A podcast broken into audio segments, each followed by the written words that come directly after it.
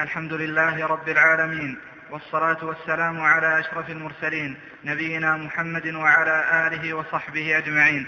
قال المصنف رحمه الله تعالى باب ما جاء من التغليظ في من عبد الله عند قبر رجل صالح فكيف إذا عبده. وفي الصحيح عن عائشة رضي الله عنها أن أم سلمة ذكرت لرسول الله صلى الله عليه وسلم كنيسة رأتها بأرض الحبشة وما فيها من الصور فقال أولئك شرار الخلق عند الله. أولئك إذا مات فيهم الرجل الصالح أو العبد الصالح بنوا على قبره مسجدا وصوروا فيه تلك الصور. أولئك شرار الخلق عند الله. فهؤلاء جمعوا بين فتنتين فتنة القبور وفتنة التماثيل. ولهما عنها قالت لما نزل برسول الله صلى الله عليه وسلم طفق, طفق يطرح خميصة له على وجهه. فإذا اغتم بها كشفها فقال وهو كذلك لعنة الله على اليهود والنصارى اتخذوا قبور أنبيائهم مساجد يحذر ما صنعوا ولولا ذلك أبرز قبره غير أنه خشي أن يتخذ مسجدا.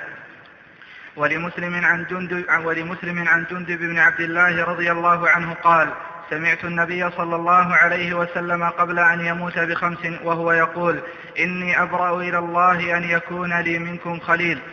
إني أبرأ إلى الله أن يكون لي منكم خليل فإن الله قد اتخذني خليلا كما اتخذ إبراهيم خليلا. ولو كنت متخذا من أمتي خليلا لاتخذت أبا بكر خليلا. ألا وإن من كان قبلكم كانوا يتخذون قبور أنبيائهم مساجد. ألا فلا تتخذوا القبور مساجد فإني أنهاكم عن ذلك. فقد نهى عنه في آخر حياته. ثم إنه لعن وهو في السياق من فعله. والصلاة عندها من ذلك وإن لم يبن مسجد. وهو معنى قولها خشي أن يتخذ مسجدا. فإن الصحابة لم يكونوا ليبنوا حول قبره مسجدا وكل موضع قصرت الصلاة فيه فقد اتخذ مسجدا بل كل موضع يصلى فيه يسمى مسجدا كما قال رسول الله صلى الله عليه وسلم جعلت لي الأرض مسجدا وطهورا. ولأحمد, ولأحمد بسند جيد عن ابن مسعود رضي الله عنه مرفوعا. إن من شرار الناس من تدركهم الساعة وهم أحياء والذين يتخذون القبور مساجد رواه أبو حاتم رواه أبو حاتم في صحيح. هذا باب ما جاء من التغليظ في من عبد, عبد الله عند قبر رجل صالح فكيف إذا عبده؟ هذا الباب مع الأبواب بعده في بيان أن النبي صلى الله عليه وسلم كان حريصا على هذه الأمة وكان بالمؤمنين رؤوف. كان بالمؤمنين عليه الصلاة والسلام رؤوفا رحيما. ومن تمام حرصه على الأمة أن حذرهم كل وسيلة من وسائل الشرك التي تصل بهم إلى الشرك وسد جميع الذرائع الموصلة إلى الشرك وغلظ في ذلك وشدد فيه وأبدى وأعاد حتى إنه بين ذلك خشية أن يفوت تأكيده وهو في النزع وهو يعاني سكرات الموت عليه الصلاة والسلام.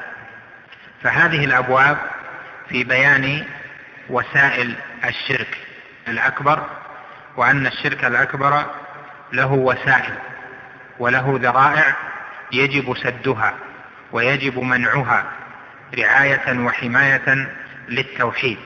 ولأن النبي عليه الصلاة والسلام غلظ في من يفعلون شيئا من تلك الوسائل أو الذرائع الموصلة إلى الشرك. هذا الباب في بيان أحد الوسائل الموصلة إلى الشرك والذرائع التي يجب منعها. قال رحمه الله باب ما جاء من التغليظ في من عبد الله عند قبر رجل صالح. صورة ذلك أن يأتي إلى قبر رجل صالح يعلم صلاحه إما أن يكون من الأنبياء والمرسلين أو أن يكون من صالح هذه الأمة أو صالح أمة غير هذه الأمة فيتحرى ذلك المكان لكي يعبد الله وحده دون ما سواه. هذا الباب في بيان أحد الوسائل الموصلة إلى الشرك والذرائع التي يجب منعها. قال رحمه الله باب ما جاء من التغليظ في من عبد الله عند قبر رجل صالح. صورة ذلك أن يأتي إلى قبر رجل صالح يعلم صلاحه إما أن يكون من الأنبياء والمرسلين أو أن يكون من صالح هذه الأمة أو صالح أمة غير هذه الأمة فيتحرى ذلك المكان لكي يعبد الله. وحده دون ما سواه. فيأتي إلى هذا القبر أو يأتي إلى هذه البقعة لكي يعبد الله فيها. هذا الباب في بيان أحد الوسائل الموصلة إلى الشرك والذرائع التي يجب منعها. قال رحمه الله باب ما جاء من التغليظ في من عبد الله عند قبر رجل صالح. صورة ذلك أن يأتي إلى قبر رجل صالح يعلم صلاحه إما أن يكون من الأنبياء والمرسلين أو أن يكون من صالح هذه الأمة أو صالح أمة غير هذه الأمة فيتحرى ذلك المكان لكي يعبد الله وحده دون ما سواه.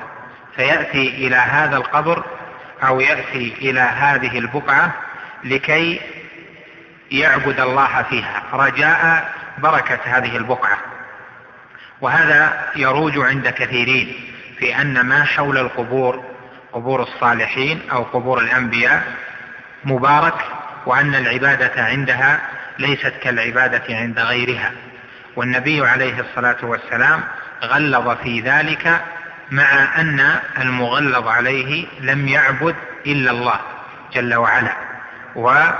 ولم يعبد صاحب القبر لكنه اتخذ ذلك المكان رجاء بركته ورجاء تنزل الرحمات كما يقولون ورجاء تنزل النسمات والفضل من الله عليه واختاره لأجل بركته ولكنه لم يعبد إلا الله جل وعلا. ومع ذلك لعن النبي صلى الله عليه وسلم ذلك الصنف الذين يتخذون قبور أنبيائهم وصالحيهم مساجد. وقوله هنا في من عبد الله يعني لم يشرك بالله عبد الله وحده صلى لله مخلصا أو دعا لله مخلصا أو تضرع واستغاث واستعاذ لله جل وعلا مخلصا عند قبر رجل صالح لكنه تحرى القبر لأجل البركة. والرجل الصالح كما سبق أن ذكرنا هو المقتصد الذي أتى بالواجبات وابتعد عن المحرمات وأعلى منه درجة السابق بالخيرات. فالصالحون من الرجال والنساء مقامات هم درجات عند الله. بعض أهل العلم يعبر في تعريف الرجل الصالح بقوله الصالح من عباد الله هو القائم بحقوق الله القائم بحقوق عباده وهذا صحيح ولأن المقتصد قائم بحقوق الله قائم بحقوق عباده أتى بالواجبات وانتهى عن المحرمات وأعظم منه درجة السابق بالخيرات. فأهل السبق بالخيرات من العباد الصالحين لا يجوز أن تعظم قبورهم وأن يغلى فيها بظن أن البقعة التي حول القبر بقعة مباركة فإن هذا جاء فيه الوعيد الذي يأتي في هذا الباب وغلظ فيه عليه الصلاة والسلام. قال فكيف إذا عبده؟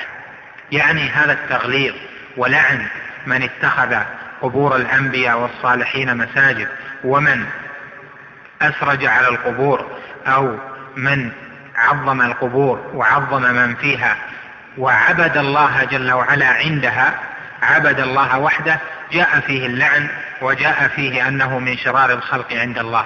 فكيف إذا توجه ذلك العابد إلى صاحب القبر يدعوه ويرجوه أو يخافه أو يأمل منه أو يستغيث به أو يصلي له أو يذبح له أو يستشفع به؟ لا شك أن هذا أعظم وأعظم في التغليظ من عبادة الله وحده عند قبر رجل صالح.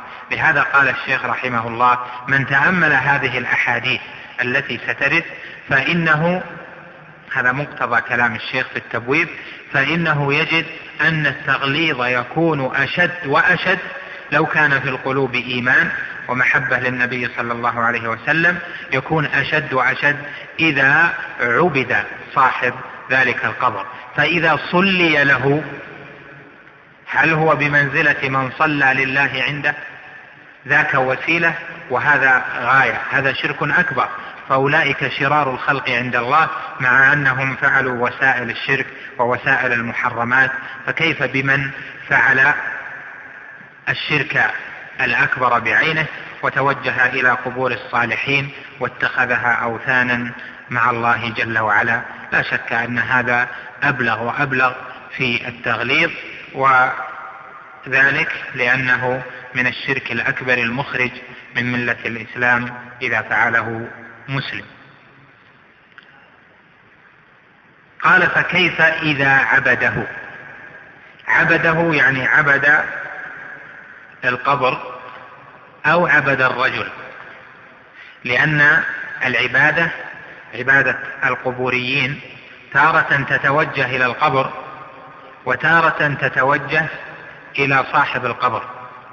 بل وتارة تتوجه إلى ما حول القبر. فالأبنية المحاطة بالقبور في قبور الأولياء عندهم التي بنيت على القبور وصارت مشاهد تارة تتخذ تلك الستور الحديدية أنها آلهة. فإذا تمسحوا بها رجوا منها البركة واتخذوها وسيلة إلى الله جل وعلا.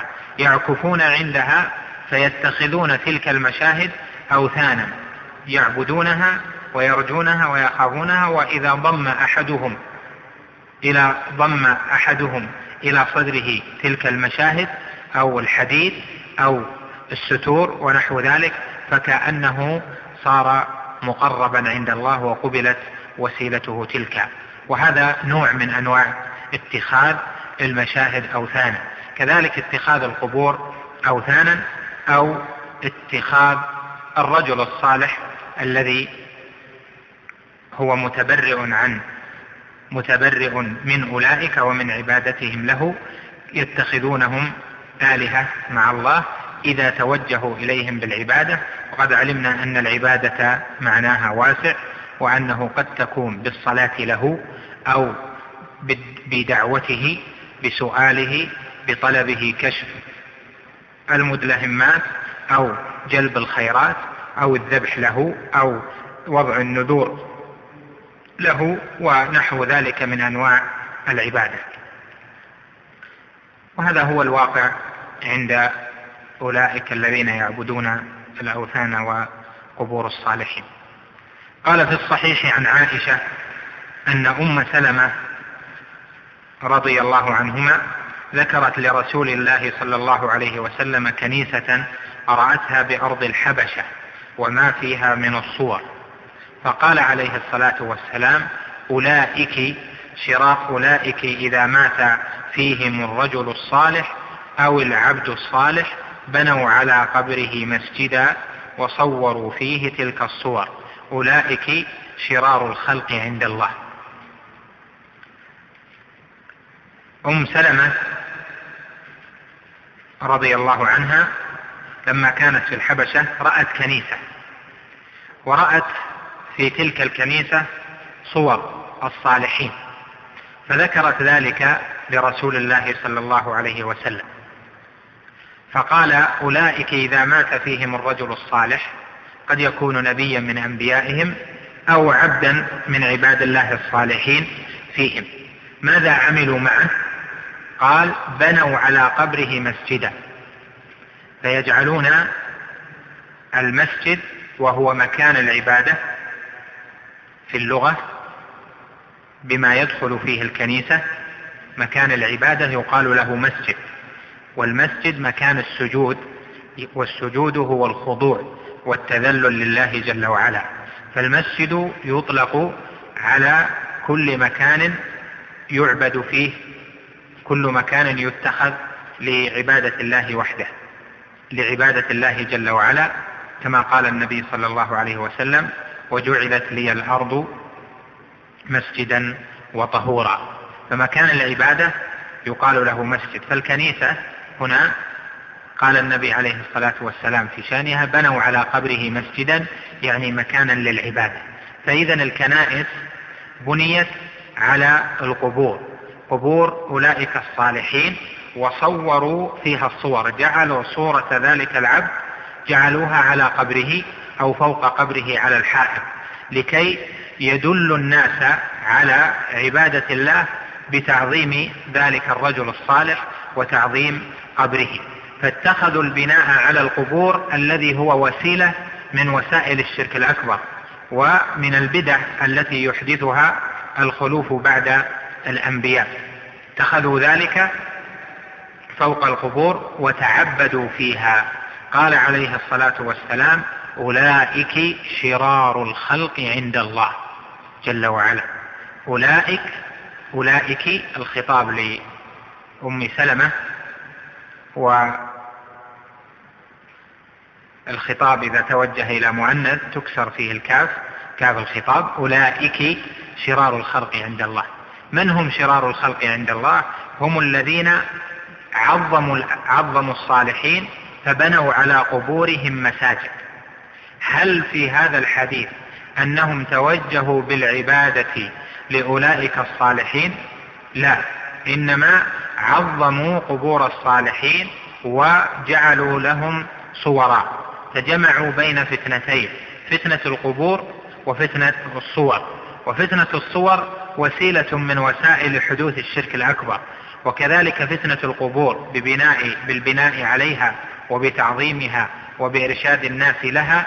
هذا وسيلة إلى أن يعتقد في صاحب القبر أن له شيئا من خصائص الإلهية أو أنه يتوسط عند الله جل وعلا في الحاجات كما حصل ذلك فعله.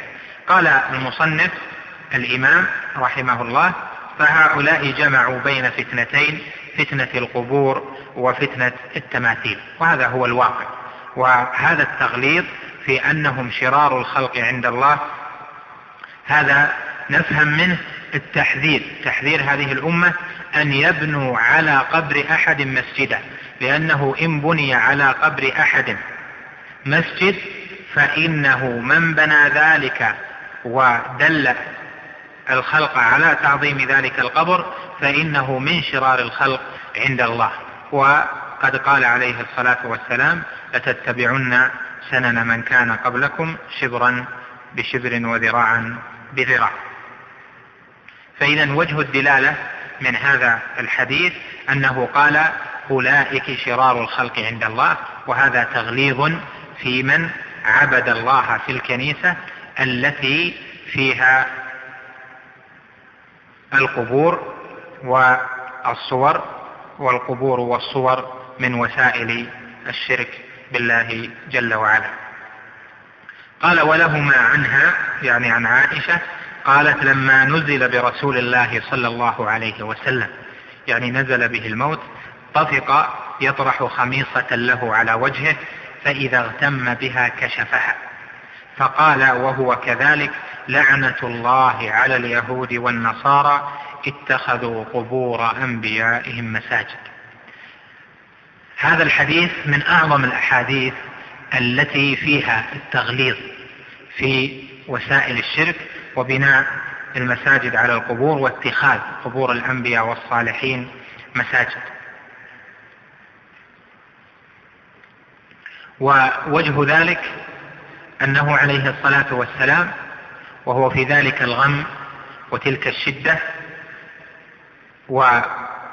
ونزول سكرات الموت به عليه الصلاة والسلام يعانيها لم يغفل عليه الصلاة والسلام بل اهتم اهتماما عظيما وهو في تلك الحال بتحذير الأمة من وسيلة من وسائل الشرك وتوجيه اللعن والدعاء على اليهود والنصارى بلعنة الله لأنهم اتخذوا قبور أنبيائهم مساجد.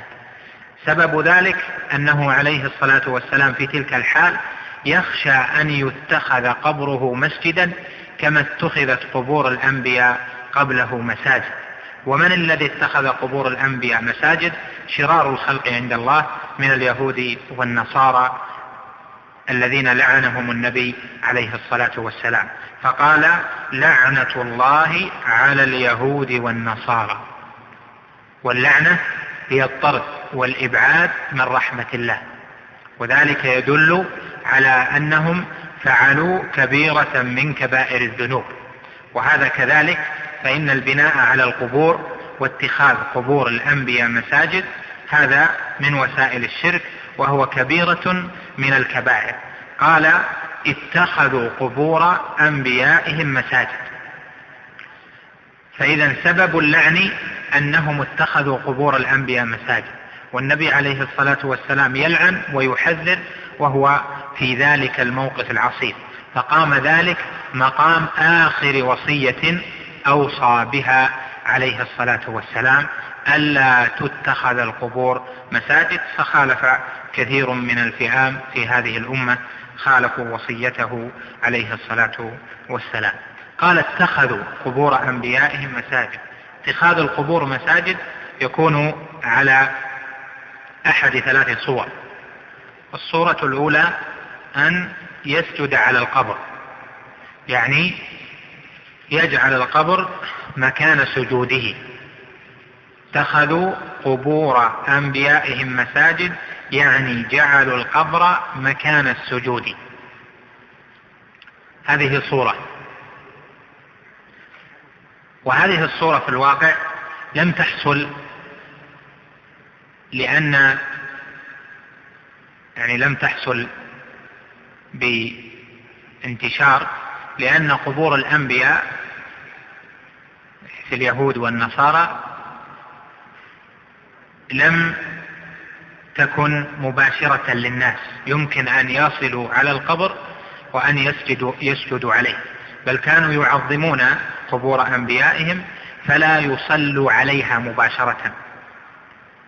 لكن قوله اتخذوا قبور أنبيائهم مساجد أبلغ صورة أن يتخذ القبر نفسه مسجدا يعني يصلي عليه مباشرة. وهذه أفظع تلك الأنواع وهي التي تدل على أعظم وسيلة من وسائل الشرك والغلو بالقبر.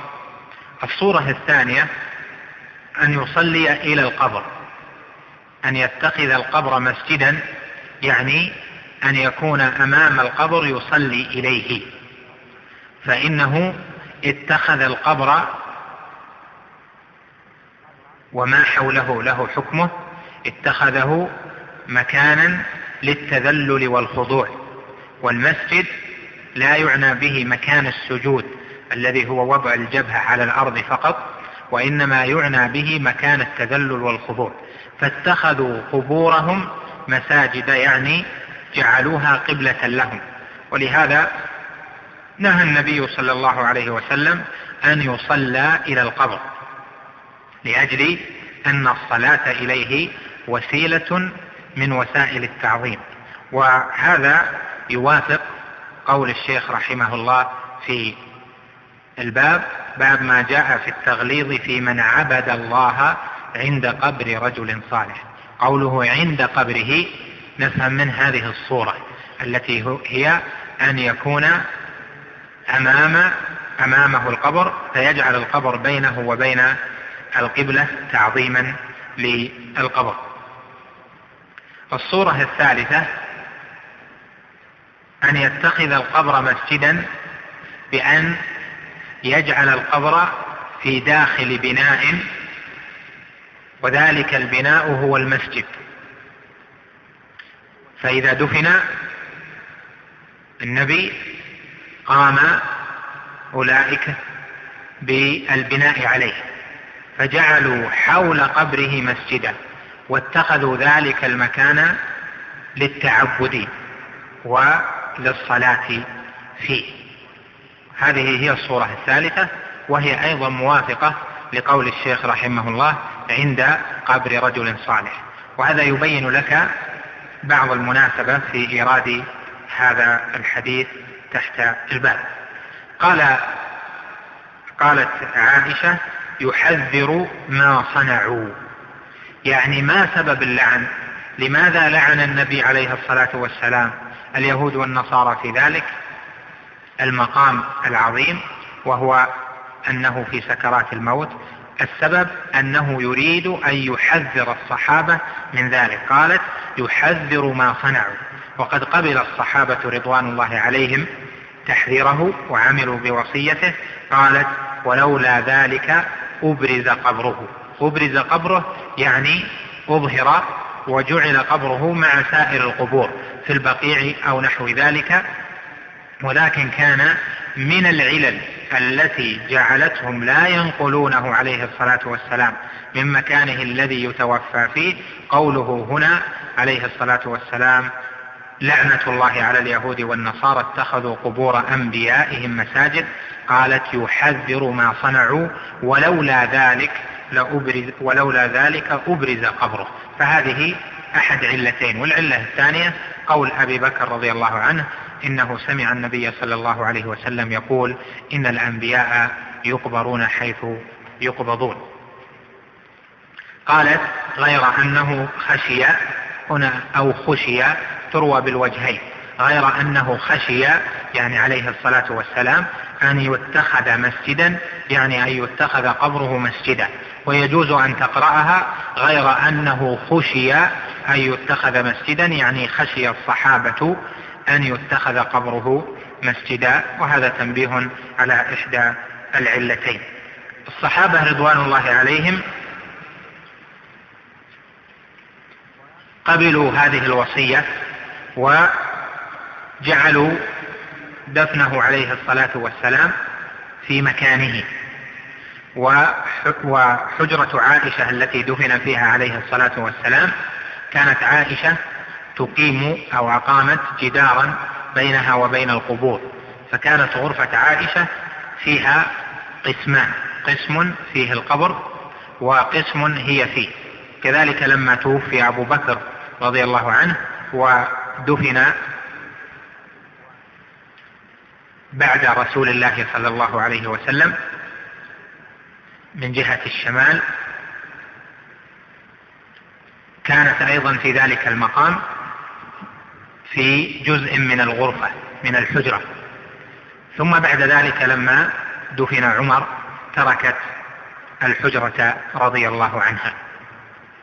ثم أغلقت الحجرة فلم يكن ثم باب فيها يدخل وإنما كان فيها نافذة صغيرة وكانت الحجرة كما تعلمون من بناء ليس من حجر ولا من بناء يعني مجصص وإنما كانت من البناء الذي كان في عهده عليه الصلاة والسلام من خشب ونحو ذلك. ثم بعد ذلك لما جاءت لما جاءت الزيادة في المسجد النبوي في عهد الوليد بن عبد الملك وكان أمير المدينة يوم ذاك عمر بن عبد العزيز رحمه الله وأخذوا شيئا من حجر زوجات النبي عليه الصلاة والسلام. بقي بقيت حجرة النبي عليه الصلاة والسلام كذلك. فأخذوا من الروضة روضة المسجد أخذوا منها شيئا وجعلوه وجعلوا عليه بناء فبنوه من ثلاث جهات جدار آخر غير الجدار الأول. بنوه من ثلاث جهات وجعلوا الجهة التي تتلي أو التي تكون شمالا يعني جهة الشمال جعلوها مسنمة جعلوها مثلثة قائمة هكذا. وصار عندنا الآن صار عندنا جداران. الجدار الأول مغلق تماما وهو جدار حجرة عائشة والجدار الثاني الذي عمل في زمن عمر بن عبد العزيز رضي الله رحمه الله ورضي عنه في زمن الوليد بن عبد الملك جعلوا جهة الشمال وهي عكس القبلة جعلوها مسنمة لأنه في تلك الجهة جاءت التوسعة وسعوها من جهة الشمال فخشوا أن تكون أن يكون ذلك الجدار مربعا يعني مسامتا للمستقبل فيكون إذا استقبله أحد استقبالا للقبر. فجعلوه مثلثا يبعد كثيرا عن الجدار الأول وهو جدار حجرة عائشة لأجل أن لا يمكن أحد أن يستقبل لبعد لبعد المسافة ولأجل أن الجدار صار مثلثا. ثم بعد ذلك بأزمان جاء جدار ثالث أيضا وبني حول ذينك الجدارين وهو الذي قال فيه ابن القيم رحمه الله تعالى في النونية في وصف دعاء النبي عليه الصلاة والسلام بقوله اللهم لا تجعل قبري وثنا يعبد قال فأجاب رب العالمين دعاءه وأحاطه بثلاثة الجدران حتى غدت أرجاؤه بدعائه في عزة وحماية وصيانة. فالنبي عليه الصلاة والسلام صار قبره في ثلاثة جدران وكل جدار ليس فيه باب.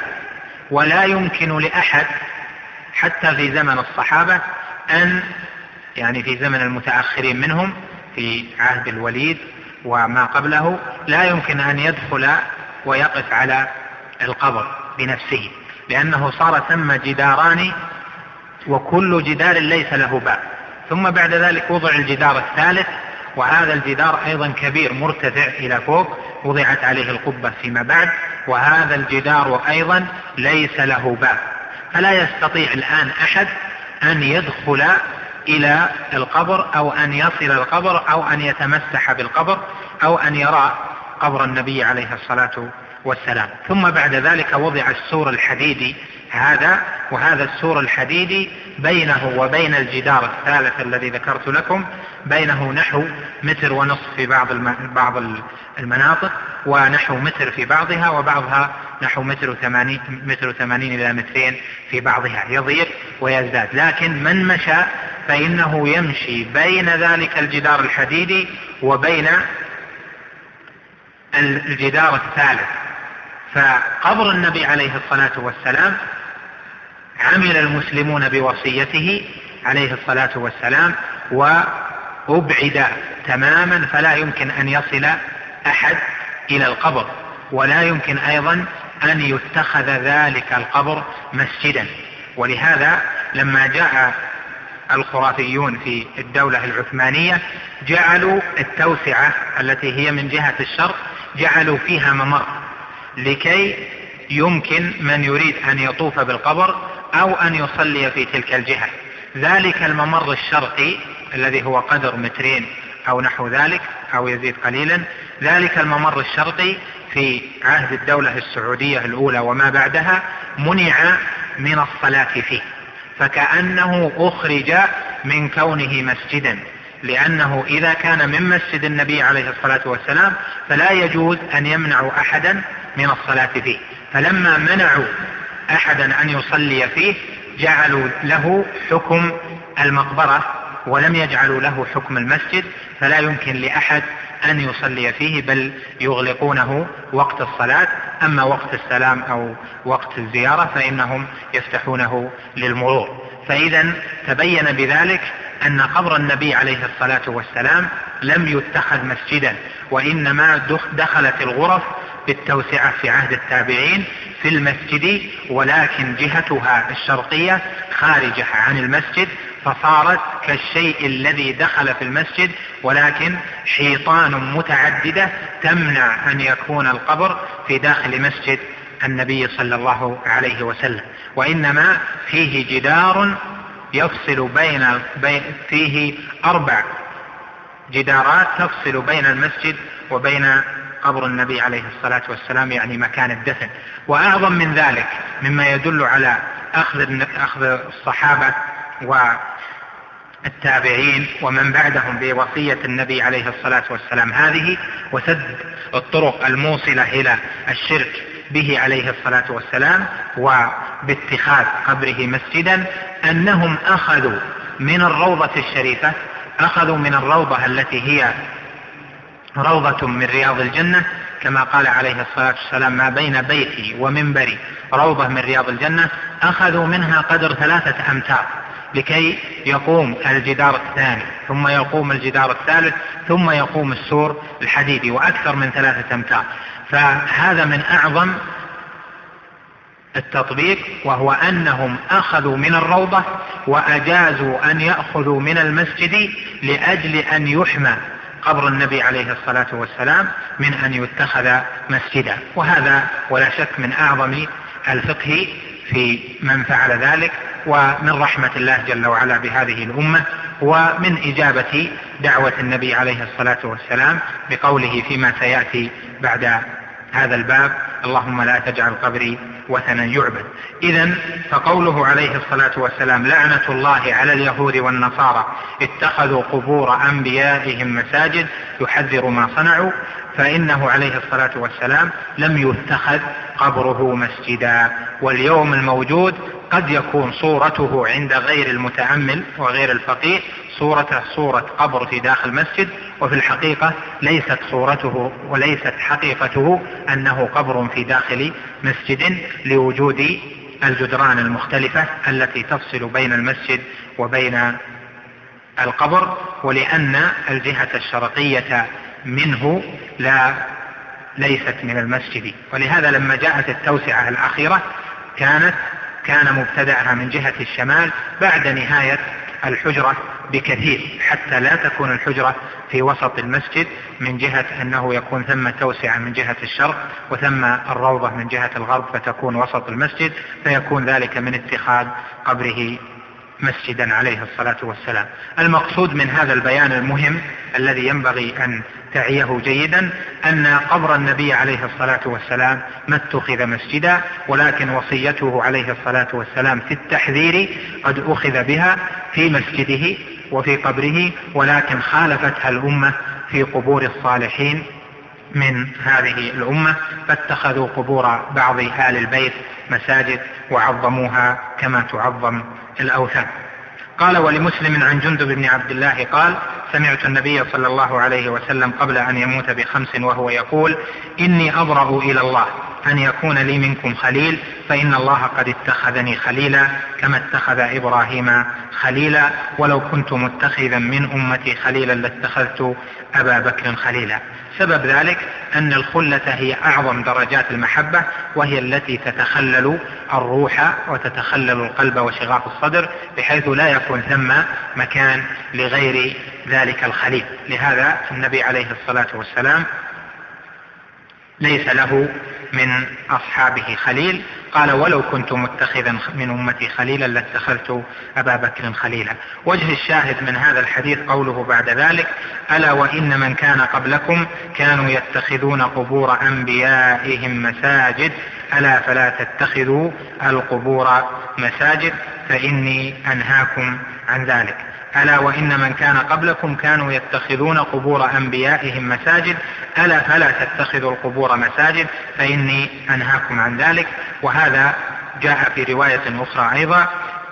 كانوا يتخذون قبور أنبيائهم وصالحيهم مساجد. وهذا هو الذي وقع في هذه الأمة وهذا وسيلة من وسائل الشرك. مناسبته للباب ظاهرة من أن تحريم اتخاذ قبور الأنبياء والصالحين مساجد مع أنه قد يكون العابد لا يعبد إلا الله لأنها وسيلة من وسائل الشرك الأكبر والوسائل تفضي إلى ما بعدها. وقد تقرر في القواعد الشرعية وأجمع عليها المحققون أن سد الذرائع الموصلة إلى الشرك وإلى المحرمات واجبة فإن الذريعة التي توصل إلى المحرم يجب سدها لأن الشريعة جاءت بسد الأصول وسد الذرائع بسد أصول المحرمات وسد الذرائع إليها. فيجب أن يغلق كل باب من أبواب الشرك بالله ومن ذلك اتخاذ قبور الأنبياء والصالحين مساجد. ولهذا لا تصح الصلاة في مسجد بني على قبر المسجد الذي يبنى على قبر فإنه لا تصح الصلاة فيه. لأن ذلك مناف لأن ذلك مناف لنهي النبي صلى الله عليه وسلم. النبي عليه الصلاة والسلام نهى وهم فعلوا. والنهي توجه إلى بقعة الصلاة فبطلت الصلاة. فالذي يصلي في مسجد أقيم على قبر صلاته باطلة لا تصح. لقوله عليه الصلاة والسلام ألا فلا تتخذوا القبور مساجد؟ يعني بالبناء عليها وبالصلاة حولها فإني أنهاكم عن ذلك. قال فقد نهى عنه في آخر حياته ثم إنه لعن وهو في السياق من فعله والصلاة عندها من ذلك وإن لم يبن مسجد. وهو معنى قولها خشي أن يتخذ مسجدا. يعني الصلاة عند القبور لا تجوز سواء صلى إليها أو صلى عندها رجاء بركة ذلك المكان أو لم يرجو بركة ذلك المكان وإنما صلى صلاة نافلة غير صلاة الجنازة عندها. كل هذا لا يجوز سواء كان ثم بناء على القبر كمسجد أو كان قبرا أو قبرين في غير بناء عليها عليهما. فإن الصلاة لا تجوز ولهذا جاء في الصحيح أن النبي عليه الصلاة والسلام قال اجعلوا من صلاتكم في بيوتكم ولا تجعلوها قبورا. وفي البخاري أيضا معلق من معلقا من كلام عمر رضي الله عنه أنه رأى أنسا يصلي عند قبر فقال له القبر القبر يعني احذر القبر احذر القبر. وهذا يدل على أن الصلاة عند القبور لا تجوز لأنها وسيلة من وسائل الشرك. وأعظم إذا كان ثم بنيان و, و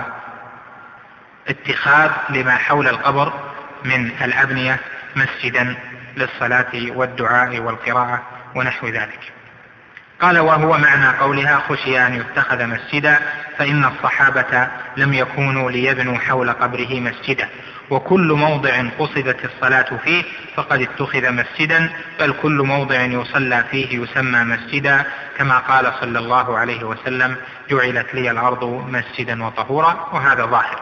قال ولأحمد بسند جيد عن ابن مسعود رضي الله عنه مرفوعا إن من شرار الناس من تدركهم الساعة وهم أحياء والذين يتخذون القبور مساجد. ورواه أبو حاتم يعني ابن حبان في صحيحه.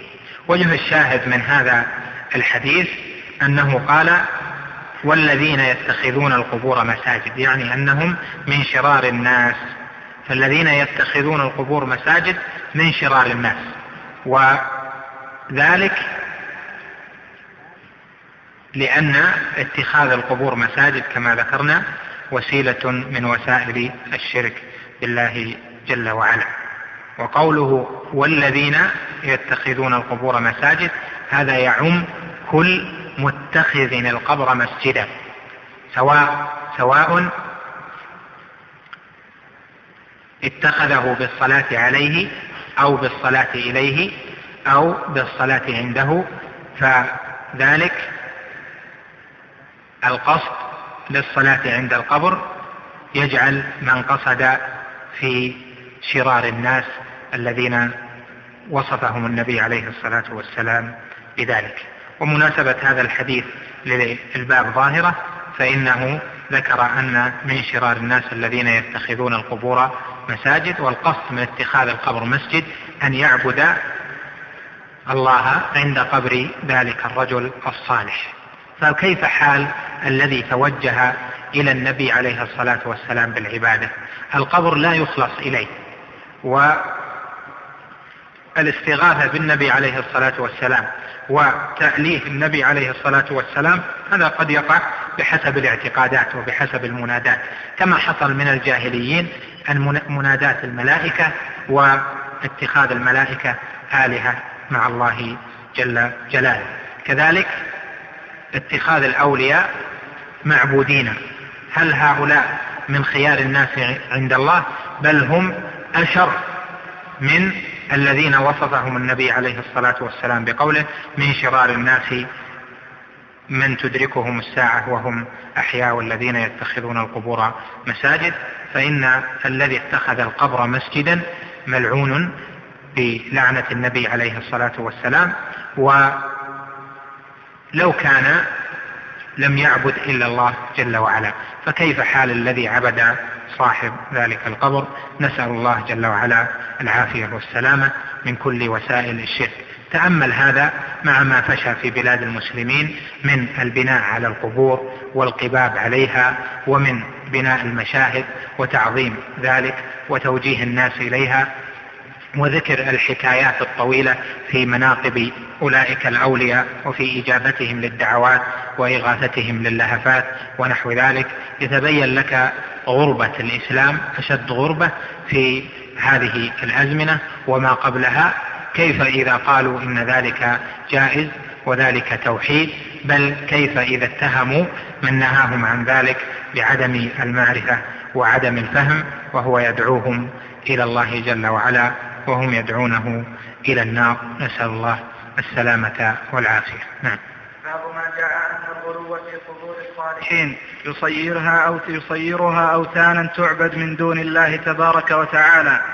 وروى مالك روى مالك في الموطأ أن رسول الله صلى الله عليه وسلم قال اللهم لا تجعل قبري وثنا يعبد.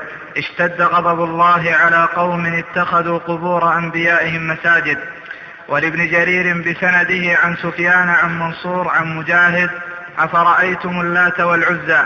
قال كان يلت لهم السويق فمات فعكفوا على قبره. وكذا قال أبو الجوزاء عن ابن عباس قال كان يلت السويق للحاج. وعن ابن عباس رضي الله عنهما قال لعن رسول الله صلى الله عليه وسلم زائرات القبور والمتخذين عليها المساجد والمساجد والسرج رواه أهل السنن. باب ما جاء أن الغلو في قبور الصالحين يصيرها أوثانا تعبد من دون الله. الغلو في قبور الصالحين وسيلة من وسائل الشرك بل يصل الغلو إلى أن يكون شركا بالله جل وعلا وأن يصير ذلك القبر وثنا يعبد.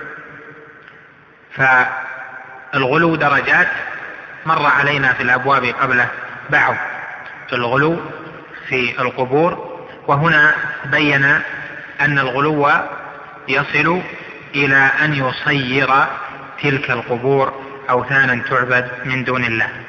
قلنا إن الغلو هو مجاوزة الحد والقبور قبور الصالحين وغير الصالحين صفتها في الشرع واحدة.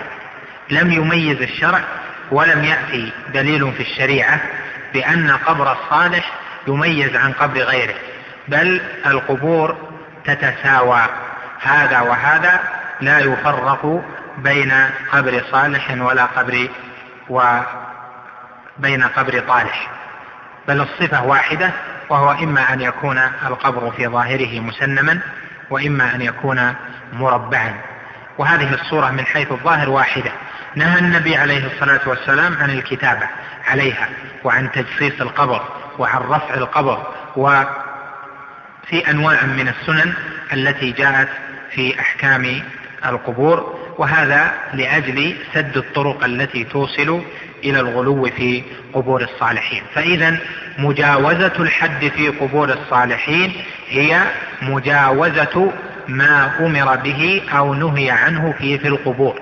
لأن قبور الصالحين لا تختلف عن قبور غير الصالحين. فالغلو فيها يكون بالكتابة عليها يكون برفعها يكون بالبناء عليها يكون بأن تتخذ مساجد يكون الغلو فيها ذلك الذي سبق كله من جهة الوسائل يكون الغلو في قبور الصالحين بأن يجعل القبر وسيلة من الوسائل التي تقرب إلى الله جل وعلا ويجعل القبر أو من في القبر شفيعا لهم عند الله جل وعلا يجعل القبر له حق أن ينذر له أو أن يذبح له أو أن يستشفى بترابه اعتقادا أنه وسيلة عند الله جل وعلا. ونحو ذلك من أنواع الشرك الأكبر. بالله تبارك وتعالى. لهذا الغلو في قبور الصالحين يكون بمجاوزة ما أذن فيها. من من من المجاوزة ما هو من الوسائل ومن المجاوزة ما هو من اتخاذها أوثانا من دون الله جل وعلا. ولهذا قال رحمه الله باب ما جاء أن الغلو في قبور الصالحين يصيرها. أوثانا وقوله يصيرها يعني يجعلها. قد يكون جعل الوسائل للغايات يعني أنه أن الغلو صار وسيلة لاتخاذها أوثانا وقد يكون أن الغلو جعلها وثنا يعبد من دون الله جل وعلا. وهذا هو الذي حصل ويرى في البلاد من أن القبور صارت أوثانا تعبد من دون الله لما أقيمت عليها المشاهد والقباب ودعي الناس إليها وذبح لها وقبلت النذور لها وصار يطاف حولها ويعكف عندها ونحو ذلك من أنواع الشرك الأكبر بالله. قال روى مالك في الموطأ أن رسول الله صلى الله عليه وسلم قال اللهم لا تجعل قبري وثنا يعبد اشتد غضب الله على قوم اتخذوا قبور أنبيائهم مساجد. قوله اللهم لا تجعل قبري وثنا يعبد. هذه استعاذة ودعاء لخوف أن يقع ذلك. ولو كان ذلك لا يقع أصلا ولا يمكن أن يقع لما دعا النبي عليه الصلاة والسلام بذلك الدعاء العظيم. بل دعا أن لا يجعل القبر وثنا يعبد كما جعلت قبور غيره من الأنبياء والمرسلين عليه الصلاة والسلام. فإن عددا من قبور الأنبياء والمرسلين عليهم الصلاة والسلام اتخذت أوثانا تعبد.